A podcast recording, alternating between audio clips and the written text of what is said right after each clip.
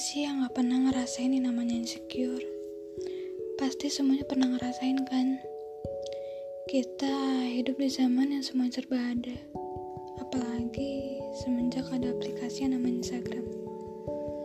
Seolah-olah orang-orang di Instagram itu berlomba-lomba untuk menjadi terlihat cantik dan ganteng.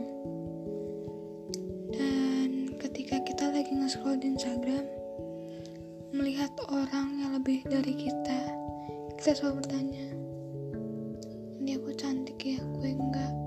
Ini aku putih ya, gue enggak. Gue udah mulus ya, gue enggak. Dan yang lainnya. Please, you are beautiful as you are created. Cobalah ubah pola pikir kalian dari yang insecure ke bersyukur.